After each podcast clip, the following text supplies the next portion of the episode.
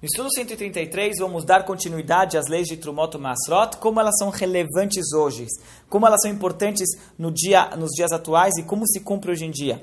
Então, um produtor em Israel, assim que ele recebe sua colheita, ele tem as, as seguintes mitzvot a se cumprir. Primeiro, ele tem que tirar 1% e um pouquinho a mais e descartar. Ele vai ter que separar da produção esse um pouco mais de 1% e descartar.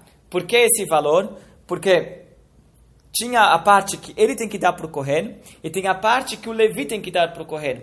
A parte que o Levi tem que dar para o Kohen é um valor claro na Torá. É 10% de 10%, que dá 1% do geral. E esse 1% do geral é, é, era a parte que o Levi repassava para o Kohen, tem santidade, e o Kohen hoje em dia está impuro. E ele não tem como se purificar, e por isso então aquilo é separado e descartado.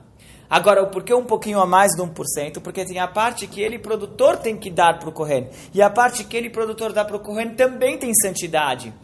Só que da parte dele, produtor, que tem que dar para o Kohen, a Torá não deu uma quantidade específica.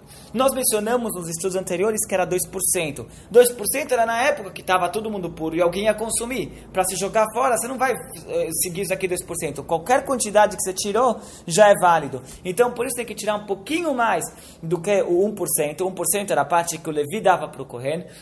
E um pouquinho a mais seria a parte que o produtor agrícola, ele sozinho deveria destinar ao Kohen.